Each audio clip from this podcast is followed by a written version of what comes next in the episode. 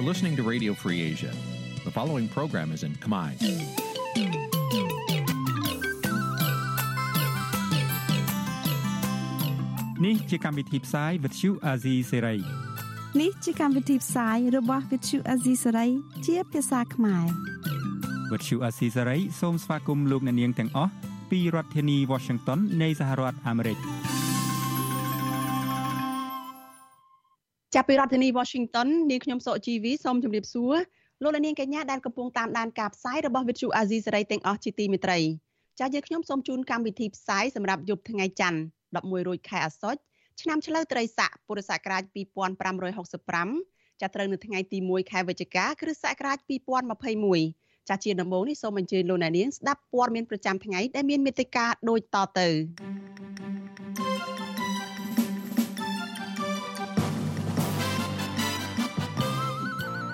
លាការកាត់តម្រឹមទោសអនិច្ចជនកសវណ្ណឆៃឲ្យជាប់ឃុំ4ខែកន្លះសង្គមស៊ីវិលធ្វើយុទ្ធនាការបន្តទាមទារឲ្យដោះលែងយុវជនបរិស្ថាន6នាក់លោកហ៊ុនសែនទទួលស្គាល់ថាអត្រាអ្នកស្លាប់ដោយសារជំងឺ Covid-19 នៅកម្ពុជាខ្ពស់ជាងប្រទេសមួយចំនួន អញ្ញាធរថៃចាប់ពលករខ្មែរជាច្រើនអ្នកបញ្ជូនមកកម្ពុជាវិញនៅក្នុងថ្ងៃបើកប្រទេសដំបូងរួមនឹងព័ត៌មានផ្សេងៗមួយចំនួនទៀត។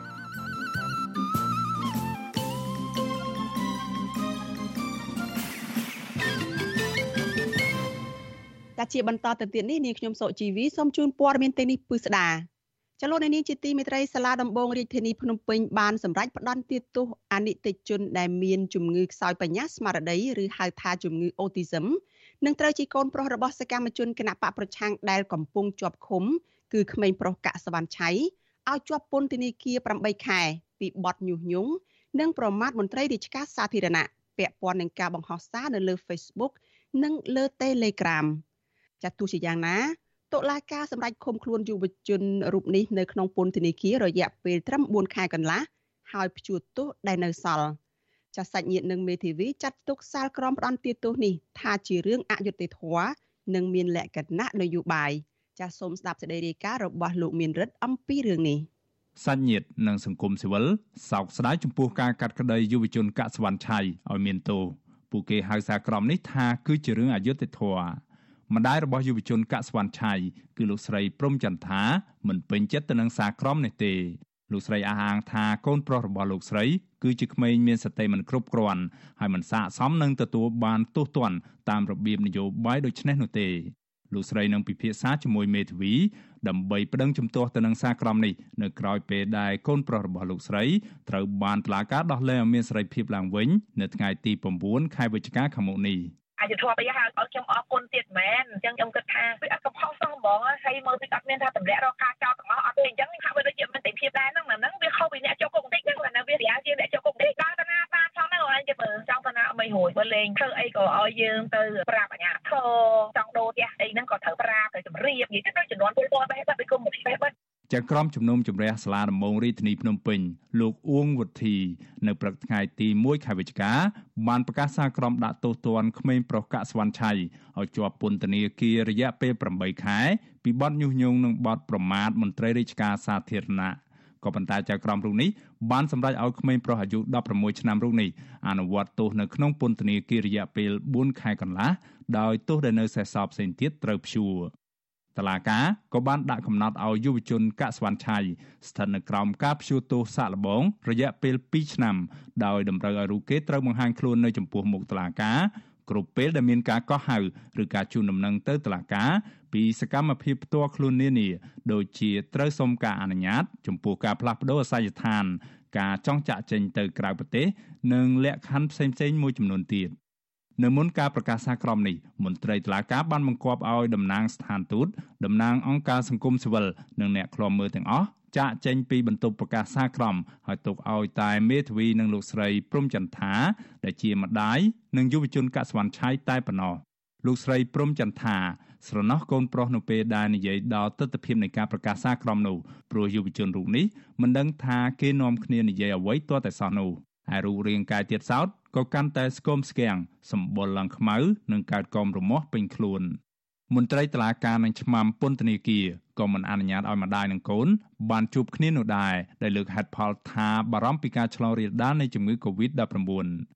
ក្រោយពេលប្រកាសសារក្រមចាប់ភ្លាមនគរបាលនៅក្នុងតុលាការក៏បានប្រកាសលោកស្រីព្រំចន្ទថាឲ្យចេញពីបរិវេណតុលាការឲ្យលឿនដោយមិនអនុញ្ញាតឲ្យលោកស្រីនៅឈររេរាឬនិយាយគ្នាជាមួយតំណាងស្ថានទូតសង្គមស៊ីវិលឬអ្នកស្គាល់គ្នាណានោះឡើយរីឯនៅក្រៅបរិវេណតុលាការវិញគ្មានការតវ៉ាទេនៅថ្ងៃនេះក៏ប៉ុន្តែអាជ្ញាធរបានដាក់ពង្រាយកងកម្លាំងសន្តិសុខប្រហែល50នាក់នៅត្រៀមចាំបង្ក្រាបជាស្រេច មេធាវីការពារក្តីឲ្យយុវជនកសវណ្ណឆៃលោកសំសកុងសោកស្ដាយចំពោះសារក្រមនេះលោកបញ្យល់ថាតាមផ្លូវច្បាប់តឡាការមិនគួរកាត់ទោសកូនក្តីរបស់លោកដែលជាអនិច្ចជនមិនទាន់គ្រប់អាយុ18ឆ្នាំនិងមានជំងឺខ្សោយសតិបញ្ញាឬ autism ពីកំណើតផងនោះនៅក្នុងបទព្រហ្មទណ្ឌបែបនេះនោះទេ លោកនឹងតាមជួយជ្រោមជ្រែងកូនក្តីរបស់លោកឲ្យអស់ពីលទ្ធភាពក្នុងការដាក់ពាក្យបណ្ដឹងបន្តទៀតតាមការកំណត់នៃច្បាប់មានជំងឺ autism ដែលមិនយល់ពីអង្គហេតុដែលគាត់បានធ្វើហ្នឹងគឺច្បាប់ហ្នឹងតម្រូវឲ្យមានការលើកលែងចោទប្រកាន់ឬមិនឲ្យទទួលខុសត្រូវព្រមត្តនទេអញ្ចឹងហើយបានខ្ញុំយល់ថាសារក្រមទឹកមិញនេះគឺមានការខកចិត្តដោយសារមានការបន្តទៀតទោសធម្មតាការបន្តទៀតទោសវាប៉ះពាល់ទៅនឹងអនាគតរបស់កុមារសង្គមស៊ីវិលក៏សម្ដែងការសោកស្ដាយទៅនឹងសារក្រមនេះដែរ នាយករងទទួលបន្ទុកផ្នែកសិទ្ធិមនុស្សនៃអង្គការលីកាដូលោកអំសមាតយល់ថាការសម្រេចសេចក្តីនេះគឺជារឿងធ្ងន់ធ្ងរសម្រាប់អនិច្ចជន និងជាយុវជនដែលមានជំងឺខ្សោយសតិបញ្ញាស្មារតីពីកំណើតគណៈតំណាងស្ថានទូតនិងអង្គការអន្តរជាតិនានាមិនជឿថាយុវជនអាយុក្រោម18ឆ្នាំរូបនេះមានសមត្ថភាពញុះញង់ពលរដ្ឋឬសង្គមឲ្យវឹកវរនោះទេថ្មីបើមានការកាត់តម្រឹមទោសក៏ដោយក៏ប៉ុន្តែលោកអំសមាតនៅតែបង្ហាញការព្រួយបារម្ភថា សារក្រមសម្រាប់សេចក្តីនេះនឹងធ្វើឲ្យសហគមន៍អន្តរជាតិរិះគន់បន្ថែមទៀតពីរឿងរំលោភសិទ្ធិកុមារនៅកម្ពុជាទន្ទឹមនឹងនេះលោកថាប៉ះសិនបើសារក្រមនេះត្រូវចូលជាស្ថាពរវាក៏អាចជះឥទ្ធិពលអវិជ្ជមានដល់អនាគតរបស់យុវជនកសវណ្ណឆៃថែមទៀតផង ហើយសារក្រមនេះខ្ញុំគិតថាប្រងបន្ថែមឲ្យមានការរិះគន់តទៅទៀតទាក់ទងនឹងបញ្ហាទៅលើសិទ្ធិកុមារព្រោះគាត់ទើបតែអាយុ16ឆ្នាំហើយមួយទៀតគាត់ក៏ត្រូវធ្លាប់រងនៅការវេដំហើយរបួសយុវជនកសវណ្ណឆៃគឺជាកូនប្រុសរបស់សមាជិកក្រុមប្រឹក្សាជាប់ឆ្នោតនៃគណៈបកសង្គ្រោះជាតិនៅរាជធានីភ្នំពេញគឺលោកកកកំភៀដែលបច្ចុប្បន្នកំពុងជាប់ឃុំពីបទរួមគំនិតក្បត់និងបទញុះញង់នៅក្នុងពន្ធនាគារព្រៃសរម1 នៅមុនការចាប់ខ្លួនយុវជនកសវណ្ណឆៃតែងតែទៅចូលរួមការតវ៉ាដោយអហិង្សាជាមួយម្ដាយនិងក្រុមស្ត្រីថ្ងៃសុខដើម្បីទាមទារឲ្យតុលាការនិងរដ្ឋាភិបាលដោះលែងនិងទម្លាក់បទចោទលើសមាជិកគណៈបកសង្គ្រោះជាតិទាំងអស់ដែលកំពុងជាប់ឃុំ នគរបាលរាជធានីភ្នំពេញបានសម្រុកចូលចាប់ខ្លួនយុវជនកសវណ្ណឆៃទាំងកណ្ដាលត្រៀតនៅថ្ងៃទី25ខែមិថុនាដោយចោទថាយុវជនរូបនេះបានជេរប្រមាថថ្នាក់ដឹកនាំរដ្ឋាភិបាលនៅក្នុងក្រុមនៃបណ្ដាញសង្គម Telegram មុនត្រូវបានចាប់ឃុំខ្លួនក្នុងពន្ធនាគារយុវជនរូបនេះក៏ធ្លាប់ត្រូវនគរបាលប៉ុស្តិ៍ចាក់អង្រែលើខណ្ឌមានជ័យ ចាប់ឃុំខ្លួនក្នុងប៉ុស្តិ៍ប៉ូលីសម្ដងរួចមកហើយកាលពីខែតុលាឆ្នាំ2020ដោយថាយុវជនកសវណ្ណឆៃចូលក្នុងបរិវេណហាមឃាត់គឺទីស្នាក់ការគណៈបកសង្គ្រោះជាតិក្នុងពេលខាត់ខ្លួនកាលនោះយុវជនកសវណ្ណឆៃអះអាងថាប៉ូលីសបានដាក់ខ្នោះដៃហើយវាដំលើខ្លួនប្រាននិងដាល់មុខគាត់ជាច្រើនដៃ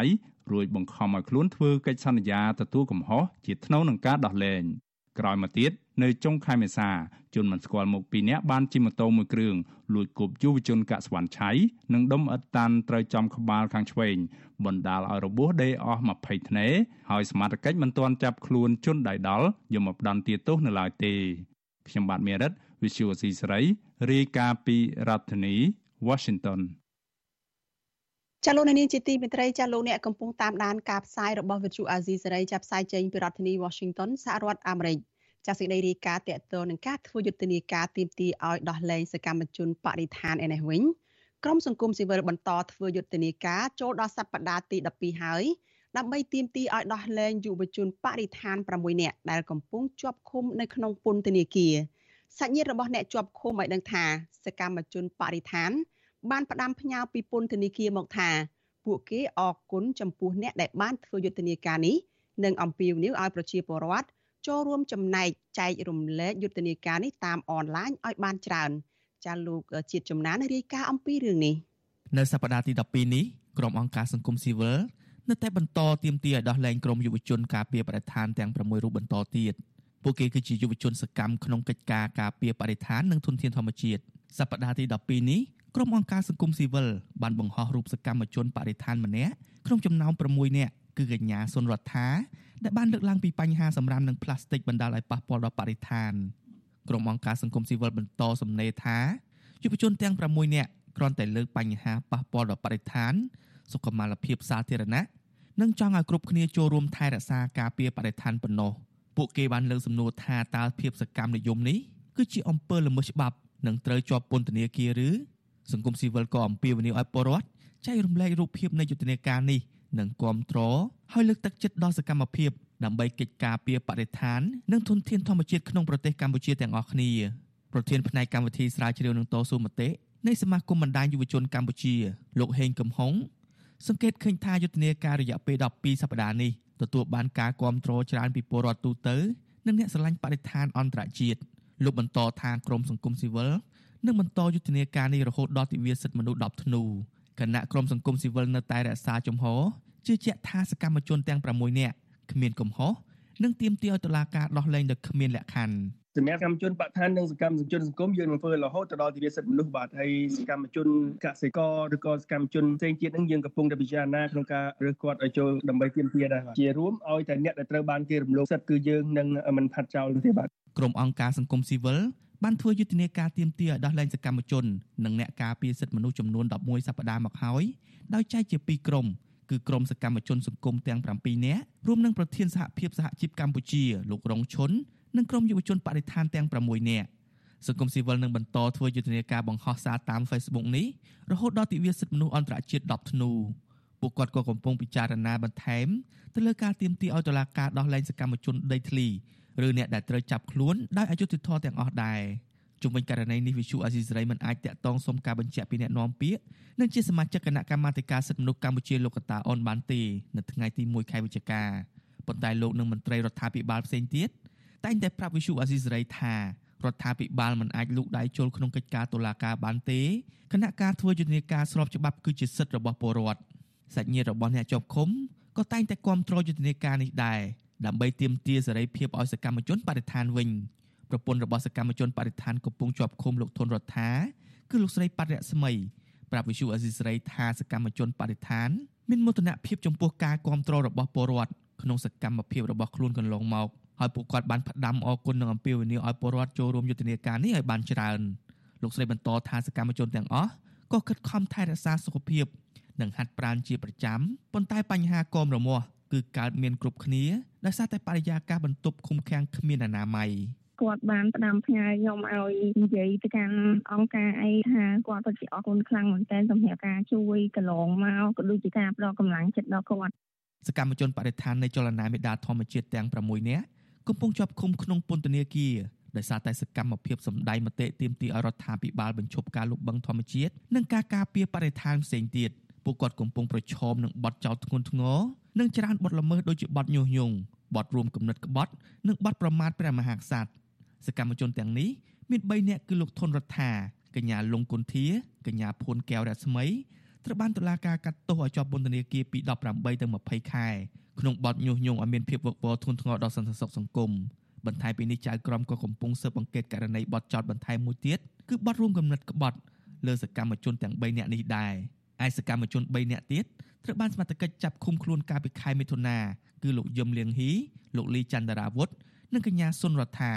ពួកគាត់ទាំង3នាក់កំពុងស្ថិតក្នុងនីតិវិធីឃុំខ្លួនបណ្ដោះអាសន្នពីបទប្រមាថព្រះមហាក្សត្រនិងរួមគំនិតក្បត់ខ្ញុំបាទជាជំនាញ Visual Assisray ពីរដ្ឋធានី Washington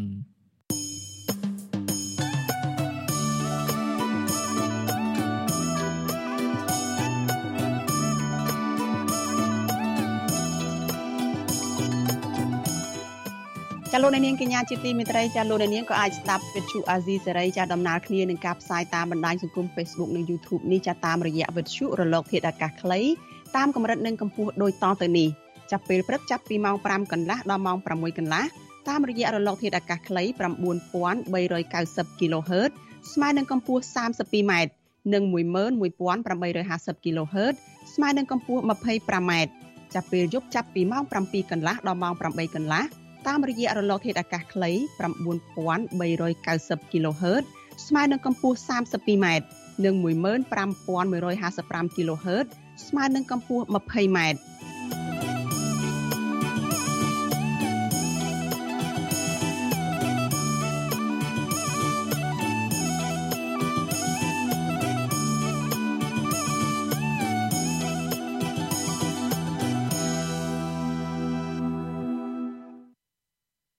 លោកនាងកញ្ញាជាទីមេត្រីចាតកតងនឹងការឆ្លងរាលដាលជំងឺ Covid-19 វិញម្ដងចាអ្នកជំងឺ Covid-19 6អ្នកទៀតបានស្លាប់ក្នុងនោះមាន4អ្នកមិនបានចាក់វ៉ាក់សាំងការពារជំងឺនេះឡើយចាករណីឆ្លងថ្មីគឺមានចំនួន91អ្នកដែលជាលទ្ធផលបញ្ជាក់ដោយម៉ាស៊ីនពិសោធន៍ PCR ចាប៉ុន្តែតួលេខនេះគឺមិនបានរាប់បញ្ចូលនៅលទ្ធផលដែលពិនិត្យតាមឧបករណ៍តេស្តរហ័សឬហៅថា rapid test នោះទេ ចាគិតត្រឹមព្រឹកថ្ងៃទី1ខែវិច្ឆិកានេះកម្ពុជាមានអ្នកកើតជំងឺ Covid-19 ជាង118,000នាក់ក្នុងនោះអ្នកជាសះស្បើយមានជាងប្រមាណ114,000នាក់ចាចំណែកករណីស្លាប់ដោយសារជំងឺ Covid-19 វិញក្រសួងអះអាងថាគឺបានកើនឡើងដល់ជាង2700នាក់ចាំមេដឹកនាំរបបក្រុងភ្នំពេញលោកហ៊ុនសែនសម្រាប់បើកប្រទេសឡើងវិញលើគ្រប់វិស័យទាំងអស់ចាប់ពីថ្ងៃទី1ខែវិច្ឆិកានេះតទៅ គឺនៅក្រៅពេលដែលបានចាក់ស្រោចវ៉ាក់សាំងបង្ការជំងឺ Covid-19 បានលើសផែនការគឺបានរហូតដល់ទៅជាង100%នៃប្រជាពលរដ្ឋសរុបប្រមាណ10លាននាក់លោកហ៊ុនសែនប្រកាសដូចនេះនៅក្នុងពិធីបិទយុទ្ធនាការចាក់វ៉ាក់សាំងបង្ការជំងឺ Covid-19 សម្រាប់អ្នកដែលមានអាយុពី6ឆ្នាំឡើងទៅនិងបើកយុទ្ធនាការចាក់វ៉ាក់សាំងសម្រាប់ក្មេងដែលមានអាយុ5ឆ្នាំលោកហ៊ុនសែនបញ្ជាក់ថាការសម្រេចបើកប្រទេសគ្រប់វិស័យឡើងវិញនេះ គឺតម្រូវឲ្យពលរដ្ឋសម្របខ្លួនរៀនរស់ជាមួយនឹងកន្លងថ្មី ដែលមានជំងឺ Covid-19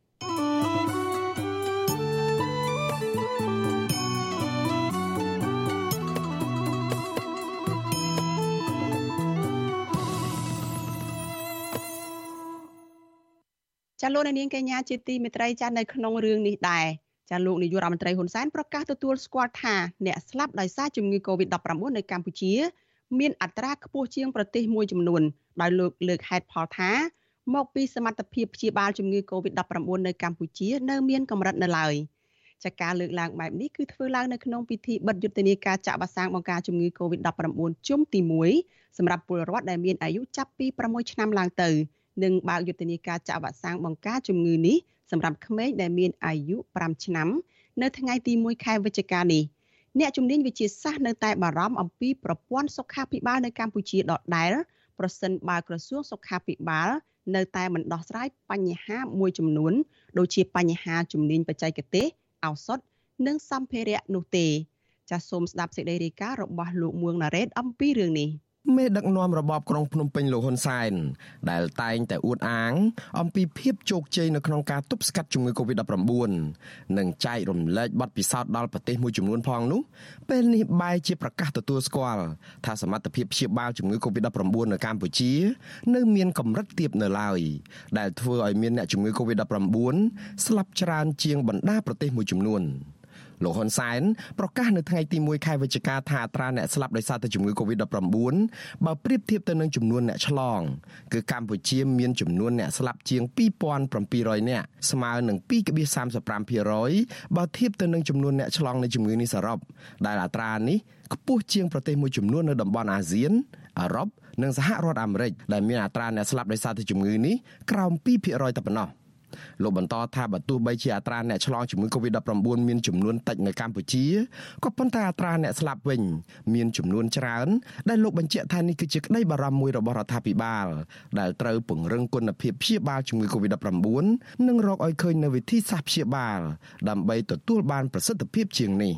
កុំឃើញថាវៀតណាមថៃស្លាប់ច្រើនជាងយើងរឿងអីតែយើងត្រូវខ្វល់អត់ទេ ចឹងដែលយើងត្រូវពង្រឹងសមត្ថភាពក្នុងការព្យាបាលភាគរយឆ្លងមិនមែនជាភាគរយដែលគួរឲ្យបារម្ភពេកទេតែភាគរយស្លាប់គឺជាភាគរយដែលត្រូវបារម្ភយន្តការដែលមានការពាក់ព័ន្ធត្រូវបន្តតាមដាននិងវិយតម្លៃអំពីការវិវត្តនៃសភាពការឲ្យបានជាប់ជាប្រចាំជាពិសេសអត្រាអ្នកឆ្លងជំងឺ Covid-19 ដែលវិវត្តទៅរកសភាពធ្ងន់ធ្ងរ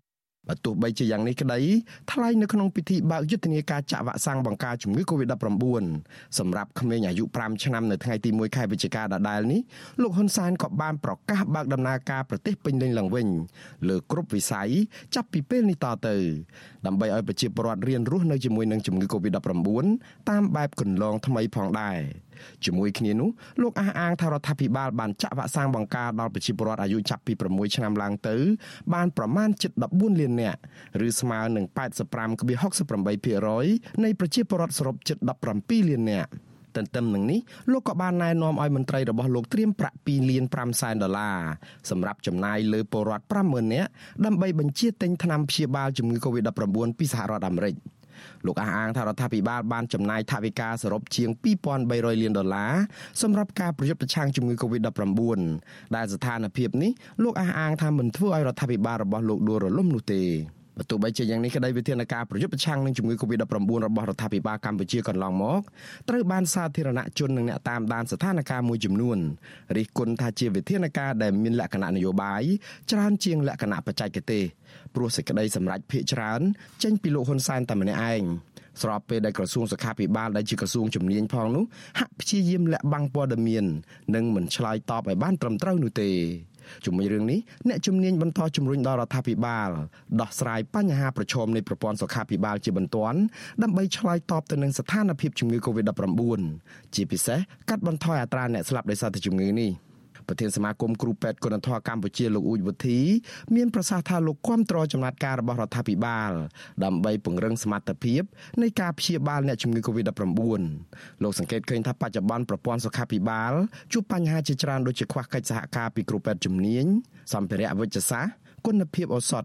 និងកន្លែងព្យាបាលនៅមិនទាន់ឆ្លើយតបទៅនឹងតម្រូវការជាក់ស្ដែងរបស់អ្នកជំងឺជាពិសេសនៅតាមមន្ទីរពេទ្យតាមខេត្តដែលជាមូលហេតុពិបាកសង្គ្រោះអ្នកជំងឺ Covid-19 ធ្ងន់ធ្ងរឲ្យបានធូរស្បើយឡើងវិញអ្នកជំនាញរូបនេះបានផ្ដល់យោបល់ថាបើកម្ពុជាមិនមានលទ្ធភាពគ្រប់គ្រាន់ក្នុងការដោះស្រាយបញ្ហានេះទេរដ្ឋាភិបាលគួរតែស្វះស្វែងរកជំនួយបច្ចេកទេសនិងសម្ភារៈពីប្រទេសជឿនលឿនបន្ថែមទៀត។ ត្រីជំនាញផ្នែកសុខាភិបាលហ្នឹងថ្នាក់ក្រោមជាតិរហូតដល់ថ្នាក់ជាតិហ្នឹងត្រូវតែដកខាត់ខ្លួនឲ្យបានល្អដើម្បីពង្រឹងជួយដល់ប្រជាពលរដ្ឋយើងបាទតាមការសង្កេតហេតុថ្នាក់ក្រោមជាតិខ្ញុំឃើញថាមានការខ្វះខាតច្រើនដូចជាសម្ភារៈពេទ្យមួយចំនួនគ្រោងសុខាភិបាលគួរណាតែចុះពិនិត្យមើលយើងត្រូវរៀបសម្ភារៈតាមខេត្តហ្នឹងឲ្យបានទំនើបដូចនៅភ្នំពេញអញ្ចឹងបានទៅរួច ដោយឡែករដ្ឋាភិបាលបានប្រកាសបិទយុទ្ធនាការចាក់វ៉ាក់សាំងបង្ការជំងឺ Covid-19 ជុំទី1សម្រាប់ប្រជាពលរដ្ឋដែលមានអាយុចាប់ពី6ឆ្នាំឡើងទៅហើយក៏ប្រកាសបើកយុទ្ធនាការចាក់វ៉ាក់សាំងបង្ការជំងឺ Covid-19 នេះសម្រាប់កុមារអាយុ5ឆ្នាំដែលមានជាង3សែននាក់ចាប់ពីថ្ងៃទី1ខែវិច្ឆិកានេះដែរ ក៏ប៉ុន្តែអ្នកជំនាញផ្នែកវិទ្យាសាស្ត្រនិងមន្ត្រីអង្គការសង្គមស៊ីវិលលើកឡើងថារដ្ឋាភិបាលមិនគួរពន្លឿនការចាក់វ៉ាក់សាំងឲ្យកុមារមុនការសម្រេចរបស់អង្គការសុខភាពពិភពលោកនោះទេព្រោះវិជាការផ្សងគ្រោះថ្នាក់ហើយអាចនាំឲ្យមានការរិះគន់ថាកម្ពុជា ជាកន្លែងសាក់លបងវ៉ាក់សាំងរបស់ក្រុមហ៊ុនចិនខ្ញុំបាទមុនរ៉េត With you Azisaray ប្រធានាធិបតី Washington ចាលោកនាងកញ្ញាជាទីមេត្រីសេចក្តីរាយការណ៍ពីប្រទេសថៃឯណោះឲ្យដឹងថាអាញាធរថៃបានចាប់ពលករខ្មែរជាច្រើនអ្នកបញ្ជូនទៅកម្ពុជាវិញតាមច្រករបៀងព្រំដែននៅក្នុងខេត្តបន្ទាយមានជ័យនៅថ្ងៃដែលរដ្ឋាភិបាលថៃប្រកាសបើកប្រទេសដំបូងដើម្បីទទួលអ្នកទេសចរមន្ត្រីសង្គមស៊ីវិលសង្កេតឃើញថាពលករខ្មែរសម្រុកឆ្លងដែនទៅប្រទេសថៃនៅក្នុងពេលនេះគឺដោយសារតែពួកគាត់ឥតការងារធ្វើនៅក្នុងស្រុកនិងជំពាក់ប្រាក់ធនាគារ ក៏ប៉ុន្តែការលួចឆ្លងដែនខុសច្បាប់បែបនេះធ្វើឲ្យពួកគេប្រឈមនឹងគ្រោះថ្នាក់ជាច្រើនចាស់ពីរដ្ឋធានី Washington លោកទីនសការីយ៉ារាយការណ៍ព័ត៌មាននេះអញ្ញាធិបតេយ្យបានចាប់ខ្លួនពលករខ្មែរជាង200នាក់ក្នុងពេលពួកគេលួចឆ្លងដែនខុសច្បាប់នៅស្រុកអរញ្ញខេត្តស្រះកែវជាប់ព្រំដែនក្រុងប៉ោយប៉ែតខេត្តបន្ទាយមានជ័យនៅព្រឹកថ្ងៃទី1កញ្ញាសារព័ត៌មានថៃចុះផ្សាយនៅព្រឹកថ្ងៃដដែលថាពលករទាំងនោះឆ្លងដែនបំរុងទៅរកការងារធ្វើនៅទីក្រុងបាងកកនិងខេត្តក្បែរនោះ ដើម្បីរកប្រាក់ផ្គត់ផ្គង់ជីវភាពគ្រួសារនៅកម្ពុជាស្នងការរនគរបាលខេត្តបន្ទាយមានជ័យលោកអ៊ុំសុផលប្រាប់អាស៊ីសេរីថាពលករខ្មែរទាំងនោះត្រូវបានអាជ្ញាធរថៃបញ្ជូនមកដល់កម្ពុជាវិញហើយនៅថ្ងៃទី1វិច្ឆិកាដដែលនេះក្រោយពេលមានការអន្តរាគមន៍ពីសំណាក់អាជ្ញាធរខ្មែរលោកបន្តថាក្រុមពលករបានលួចឆ្លងដែនតាមច្រករបៀងព្រំដែននៅតំបន់មានលិចទឹកចំនួនដែលគ្មានសមត្ថកិច្ចខ្មែរប្រចាំការលោកបញ្ជាក់ថាក្នុងថ្ងៃដំបូង ដល់រដ្ឋាភិបាលថៃបើកប្រទេសទទួលភ្ញៀវទេសចរនេះអាជ្ញាធរខ្មែរបន្តរឹតបន្តឹងតាមព្រំដែនថៃដើម្បីទប់ស្កាត់ពលករលួចឆ្លងដែនខុសច្បាប់ខ្លះទៅគាត់លួចទៅយើងចាប់នៅនឹងទៅដេញទៅគាត់រត់ទៅថៃទៅយើងដេញចាប់មិនទាន់គាត់រត់ឆ្លងទៅទៅអត់យើងទៅគាត់ថៃថៃចាប់ឲ្យវិញតែគាត់ឥឡូវវាមានទឹកទឹកទៅយើងទៅតើបាតមានទឹកមានអីចឹងទៅវាចន្លោះឥឡូវទឹកហ្នឹងគាត់ឆ្លងតាមទឹកហ្នឹងទៅ មេប៉ូលីសផ្កាយមួយរូបនេះបន្តថារយៈពេលមួយសប្តាហ៍កន្លងមកនេះយ៉ាងហោចណាស់មានពលករខ្មែរជាង100នាក់ក្នុងមួយថ្ងៃត្រូវបានអាជ្ញាធរថៃចាប់បញ្ជូនវិលមកកម្ពុជាវិញតាមច្រករបៀងព្រំដែនក្នុងខេត្តបន្ទាយមានជ័យក្នុងនោះនៅថ្ងៃទី31ដុល្លារមានពលករខ្មែរជាង120នាក់ត្រូវបានបញ្ជូនតាមច្រករបៀងព្រំដែនបឹងត្រកួនអូ3ជាន់និងច្រកទ្វារអន្តរជាតិប៉ោយប៉ែតជុំវិញនឹងរឿងនេះមន្ត្រីផ្នែកការពារសិទ្ធិពលករចំណាក់ស្រុកនៃអង្គការសង្ត្រល់ ប្រចាំនៅប្រទេសថៃលោកលឹងសុផលសង្កេតឃើញថា អំឡុងពេលនេះមានពលករខ្មែរឆ្លងដែនទៅប្រទេសថៃច្រើនជាងពេលមុនមុនដោយសារពួកគាត់អត់ការងារធ្វើនៅក្នុងស្រុកនិងជំពាក់បំណុលធនាគារលោកយល់ថាពលករមិនគួរឆ្លងដែនទៅប្រទេសថៃអំឡុងពេលនេះទេពីព្រោះប្រឈមនឹងអាញាធរចាប់ខ្លួនឆ្លងជំងឺ Covid-19 និងចំណាយអស់ប្រាក់ច្រើនជាងពេលមុនទ្វេដង លោកបញ្ជាក់ថាសពថ្ងៃពលករបងថ្លៃឲ្យមេខ្យល់នាំឆ្លងដែនទៅដល់ទីកន្លែងធ្វើការក្នុងម្នាក់ចន្លោះពី6000ទៅ9000បាតឬប្រមាណពី190ដុល្លារទៅ285ដុល្លារអាមេរិក ហើយវាមានកត្តាដទៃផ្សេងផ្សេងទៀតដូចជានៅក្នុងប្រទេសថៃមានការបើកឲ្យចុះបញ្ជីតាមប្រព័ន្ធអនឡាញដើម្បីស្នើសុំតែផ្ទុយទៅវិញគោលការណ៍នៃការបើកឲ្យចុះបញ្ជីដើម្បីស្នើសុំប័ណ្ណការងារឲ្យពលករបរទេសនឹងឲ្យត្រឹមត្រូវតាមច្បាប់នឹងគឺរដ្ឋាភិបាលថៃគេកំណត់យកតែពលករដែលនៅក្នុងប្រទេសថៃទេមិនមែនមានន័យថាសម្រាប់ឲ្យបងប្អូនពលករនៅក្នុងស្រុកនឹងឲ្យចំណាស្រុកចូលមកក្នុងប្រទេសថៃទេតែផ្ទុយទៅវិញខ្ញុំឃើញអំឡុងពេលហ្នឹងគឺបងប្អូនពលករហ្នឹងសម្រុកមកច្រើនយកតែមែនតែនបាទច្រើនលើសលប់លោកលឹងសុផុនឲ្យដឹងថាចាប់តាំងពីខែមករាដល់ខែកញ្ញាមានពលករបរទេសរួមមានឡាវភូមាឬមីយ៉ាន់ម៉ានិងពលករខ្មែរសរុបជាង30000នាក់ត្រូវបានអាជ្ញាធរថៃចាប់ខ្លួនក្នុងនោះនៅខែតុលាមានពលករខ្មែរជាង1000នាក់ត្រូវបានអាជ្ញាធរថៃចាប់ខ្លួនក្នុងពេលពួកគេឆ្លងដែនចូលថៃដោយខុសច្បាប់ហើយពលករភេកច្រើនបញ្ជូនត្រឡប់ទៅកម្ពុជាវិញ និងមួយចំនួនដាក់ពន្ធនាគារនៅប្រទេសថៃមន្ត្រីសង្គមស៊ីវិលរូបនេះអំពាវនាវដល់រដ្ឋាភិបាលកម្ពុជាតាក់ទងទៅភាគីថៃបើកច្រកព្រំដែនប្រទេសទាំងពីរនៅចំណុចណាមួយដើម្បីសម្រួលដល់ពលករខ្មែរចូលទៅធ្វើការនៅប្រទេសថៃក្នុងគ្រាអាសន្ននេះដោយមិនមានការចាប់ខ្លួននិងកាត់បន្ថយការចំណាយរបស់ពលករលោកជឿជាក់ថាបើសិនជារដ្ឋាភិបាលប្រទេសទាំងពីរមិនដោះស្រាយបញ្ហានេះទេពលករខ្មែរប្រឈមនឹងការចាញ់បោកមេខ្យល់ នាំឆ្លងដែនទាំងប្រថុយប្រឋានទៅប្រទេសថៃបន្តទៀតជាមិនខាន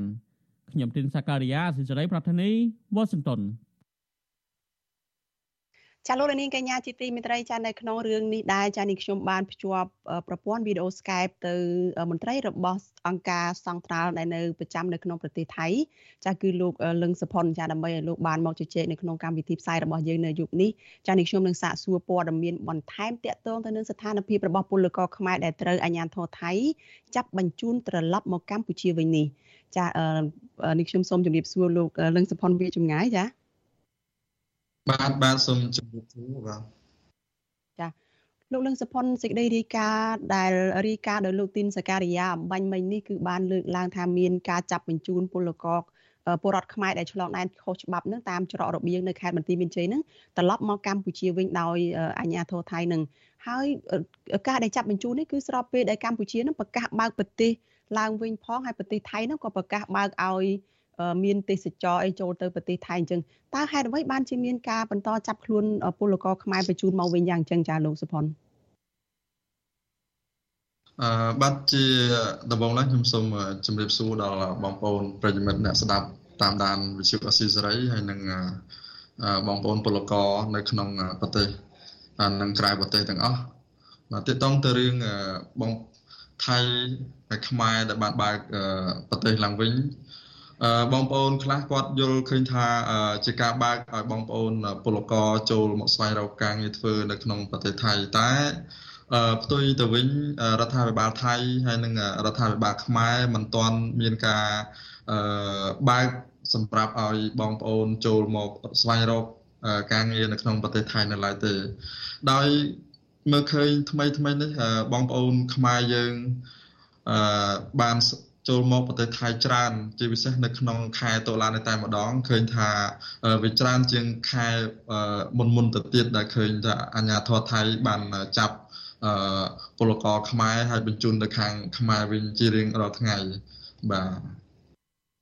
ចាដូច្នេះចំនួនអ្នកដែលសម្រុកទៅរកការងារធ្វើហ្នឹងគឺមានចំនួនច្រើនឡើងវិញបើយើងប្រៀបធៀបទៅនឹង ប្រហែលខែមុនដែលដូចជាមានការសម្រុកចេញមកពីប្រទេសថៃហ្នឹងគឺទប់មិនជាប់ពិបាកនឹងរកកន្លែងដែលធ្វើឲ្យពួកគាត់នឹងធ្វើចាត់តល័យសាក់ផងប៉ុន្តែនៅពេលនេះក៏មានការហូរចូលត្រឡប់ទៅវិញតើពួកគាត់ទទួលដំណឹងថាម៉េចទៅបានជាពួកគាត់សម្រុកត្រឡប់ទៅវិញនឹងចាលោកមានការត្រូវការការងារច្រើនឬក៏ស្ថានភាពជំងឺ Covid-19 នឹងធូរស្បើយហើយឬក៏គាត់បានចាក់វ៉ាក់សាំងហើយគាត់មានទំនុកចិត្តនឹងត្រឡប់ទៅធ្វើការវិញឬក៏យ៉ាងម៉េចចា៎ អឺបើតាមតាខ្ញុំមើលឃើញមានមូលហេតុមួយចំនួនកត្តាមួយចំនួន ដែលធ្វើឲ្យបងប្អូនពលករដែលបានចុះទៅខាងខ្មែរវិញហើយគាត់វិលត្រឡប់មកខាងថៃនោះគឺដោយសារតានៅក្នុងថ្ងៃទី28ខែកញ្ញាកន្លងមកគណៈរដ្ឋមន្ត្រីថៃបានប្រកាសឲ្យបងប្អូនពលករនៅក្នុងប្រទេស ថៃទាំងអស់ដែលមានការខុសច្បាប់ហ្នឹងគឺឲ្យចុះបញ្ជីឈ្មោះដើម្បីស្នើសុំបានការងារសារជាថ្មីហើយ ព័ត៌មាននេះដែរបានធ្វើឲ្យបងប្អូនពលករខ្មែរនៅក្នុងស្រុកខ្មែរដែលគាត់បានត្រឡប់ទៅកាលពីខែមុនមុនហ្នឹងគាត់ឃើញថាជាឱកាសរបស់គាត់ហើយគាត់នឹងស្វែងរកការងារនៅក្នុងប្រទេសថៃហ្នឹងគាត់នឹងវិលត្រឡប់មកខាងថៃវិញអាហ្នឹងជាកត្តាមួយដែរហើយកត្តាទី2ហ្នឹងឃើញថាពេលដែលគាត់ត្រឡប់ទៅ ប្រទេសខ្មែរវិញហ្នឹងគឺគាត់មិនមានការងារធ្វើអំឡុងពេលដែលគាត់បានចុះទៅខាងស្រុកខ្មែរណាបាទហើយកត្តាទី3ដែលមើលឃើញថាការផ្សព្វផ្សាយតាមប្រព័ន្ធ social media ជាពិសេសតាម page តាម Facebook ដែលបងប្អូន កំពុងតែត្រូវការការងារផង កំពុងតែខ្វះខាត ជីវភាពជាពិសេសគឺបងប្អូនដែលចំពីបំណុលគេនៅខាងខ្មែរហើយទន្ទឹមនឹងអត់ការងារធ្វើនោះគាត់បានឃើញការផ្សព្វផ្សាយរវាងមេខ្យល់ហើយនឹងមេខ្យល់ខ្មែរនិងមេខ្យល់ថៃនឹងធ្វើឲ្យគាត់ចង់ត្រឡប់មកប្រទេសថៃវិញដើម្បីស្វែងរកការងារអញ្ចឹងខ្ញុំឃើញថាកត្តាទាំង3នឹងហើយដែលធ្វើឲ្យបងប្អូនខ្មែរយើងវិលត្រឡប់ មកប្រទេសថៃរកការងារធ្វើហ្នឹងកាន់តែច្រើនទៅច្រើនទៅរហូតមកដល់ពេលនេះឃើញថាច្រើនមែនតើហើយការមកហ្នឹងគឺមិនសម្រេចតាមបំណងទេដោយសារតាខាងព្រំដែននៅតែរឹតបន្តឹងនៅឡើយហើយណាមួយវិញទៀតរដ្ឋាភិបាលនៅក្នុងប្រទេសថៃហ្នឹងមិនទាន់មានអនុញ្ញាតឲ្យបងប្អូនពលករបរទេសណាចូលមកប្រទេសថៃហ្នឹងដើម្បីស្វែងរកការងារដោយត្រឹមត្រូវស្របច្បាប់នៅឡើយទេ ចា៎លោកសុផុនមានប្រសាសន៍ខាងដើមហ្នឹងគឺថាខាងរដ្ឋាភិបាលថៃហ្នឹងក្រសួងការងារថៃហ្នឹងគាត់បានប្រកាសឲ្យមានពលករដែលខុសច្បាប់ហ្នឹងទៅធ្វើសភៅការងារឬក៏ធ្វើបានការងារដើម្បីឲ្យបានធ្វើការងារស្របច្បាប់អញ្ចឹងហេតុអ្វីបានជាចាំបាច់ត្រូវចាប់បញ្ជូនពលករខ្មែរដែលគាត់ឆ្លងដែនទៅរកការងារធ្វើត្រឡប់មកវិញមិនក៏មិនធ្វើឲ្យគាត់នឹងស្របច្បាប់ទៅហើយឲ្យគាត់អាចធ្វើការងារបាននៅពេលដែលខ្លួនប្រកាសអញ្ចឹងហើយនឹងចា៎ អឺចំណុចហ្នឹងខ្ញុំសូមបញ្ជាក់ផងដែរថាអឺគណៈរដ្ឋមន្ត្រីរបស់ថៃដែលបានប្រកាសនិងអនុញ្ញាតបើកឲ្យមានការចុះឈ្មោះនៅក្នុងប្រព័ន្ធអនឡាញហ្នឹងគឺការសម្រាប់តែបងប្អូនណាដែលស្នាក់នៅក្នុងប្រទេសថៃដែលគាត់កំពុងតែខុសច្បាប់ដោយសារតែកន្លងមកមានការបើកម្ដងហើយតែដោយសារតែ អឺឆ្លងកូវីដច្រើនហើយធ្វើឲ្យបងប្អូនដំណើរការឯកសារមិនទាន់ពេញលេញអញ្ចឹងហើយរដ្ឋាភិបាលថៃហ្នឹងមើលឃើញថាពលករបរទេសដែលកំពុងតែស្នាក់នៅធ្វើការកំពុងតែស្នាក់នៅក្នុងប្រទេសថៃហ្នឹងមានការអឺឯកសារហ្នឹងមិនពេញលេញនៅច្រើននៅឡើយទេអញ្ចឹងហើយបានមានការបើកសារជាថ្មីម្ដងទៀត អញ្ចឹងហើយពេលខ្លះបងប្អូនពលករដែលគាត់យល់ច្រឡំឃើញថាជាការបើកឲ្យពួកគាត់មកអញ្ចឹងណាបាទតាមពិតគាត់អ្នកខ្លះយល់ច្រឡំអញ្ចឹងដែរហើយខ្ញុំបានសភាបងប្អូនពលករដែលគាត់មកដល់គោលដៅហើយគាត់ថាឮតាព័ត៌មានតតគ្នាថាថៃគេបើកអឺចុះធ្វើបានការងារសារជាថ្មីហើយនឹងស្នើសុំបានការងារសារជាថ្មីហើយធ្វើឲ្យពួកគាត់មកតែម្ដងហើយផ្ទុយទៅវិញ រឿងដែលគាត់មកហ្នឹងគឺមានច្រើនមិនមែនតែត្រឹមថាលើតែព័ត៌មាននៅខាងថៃទេ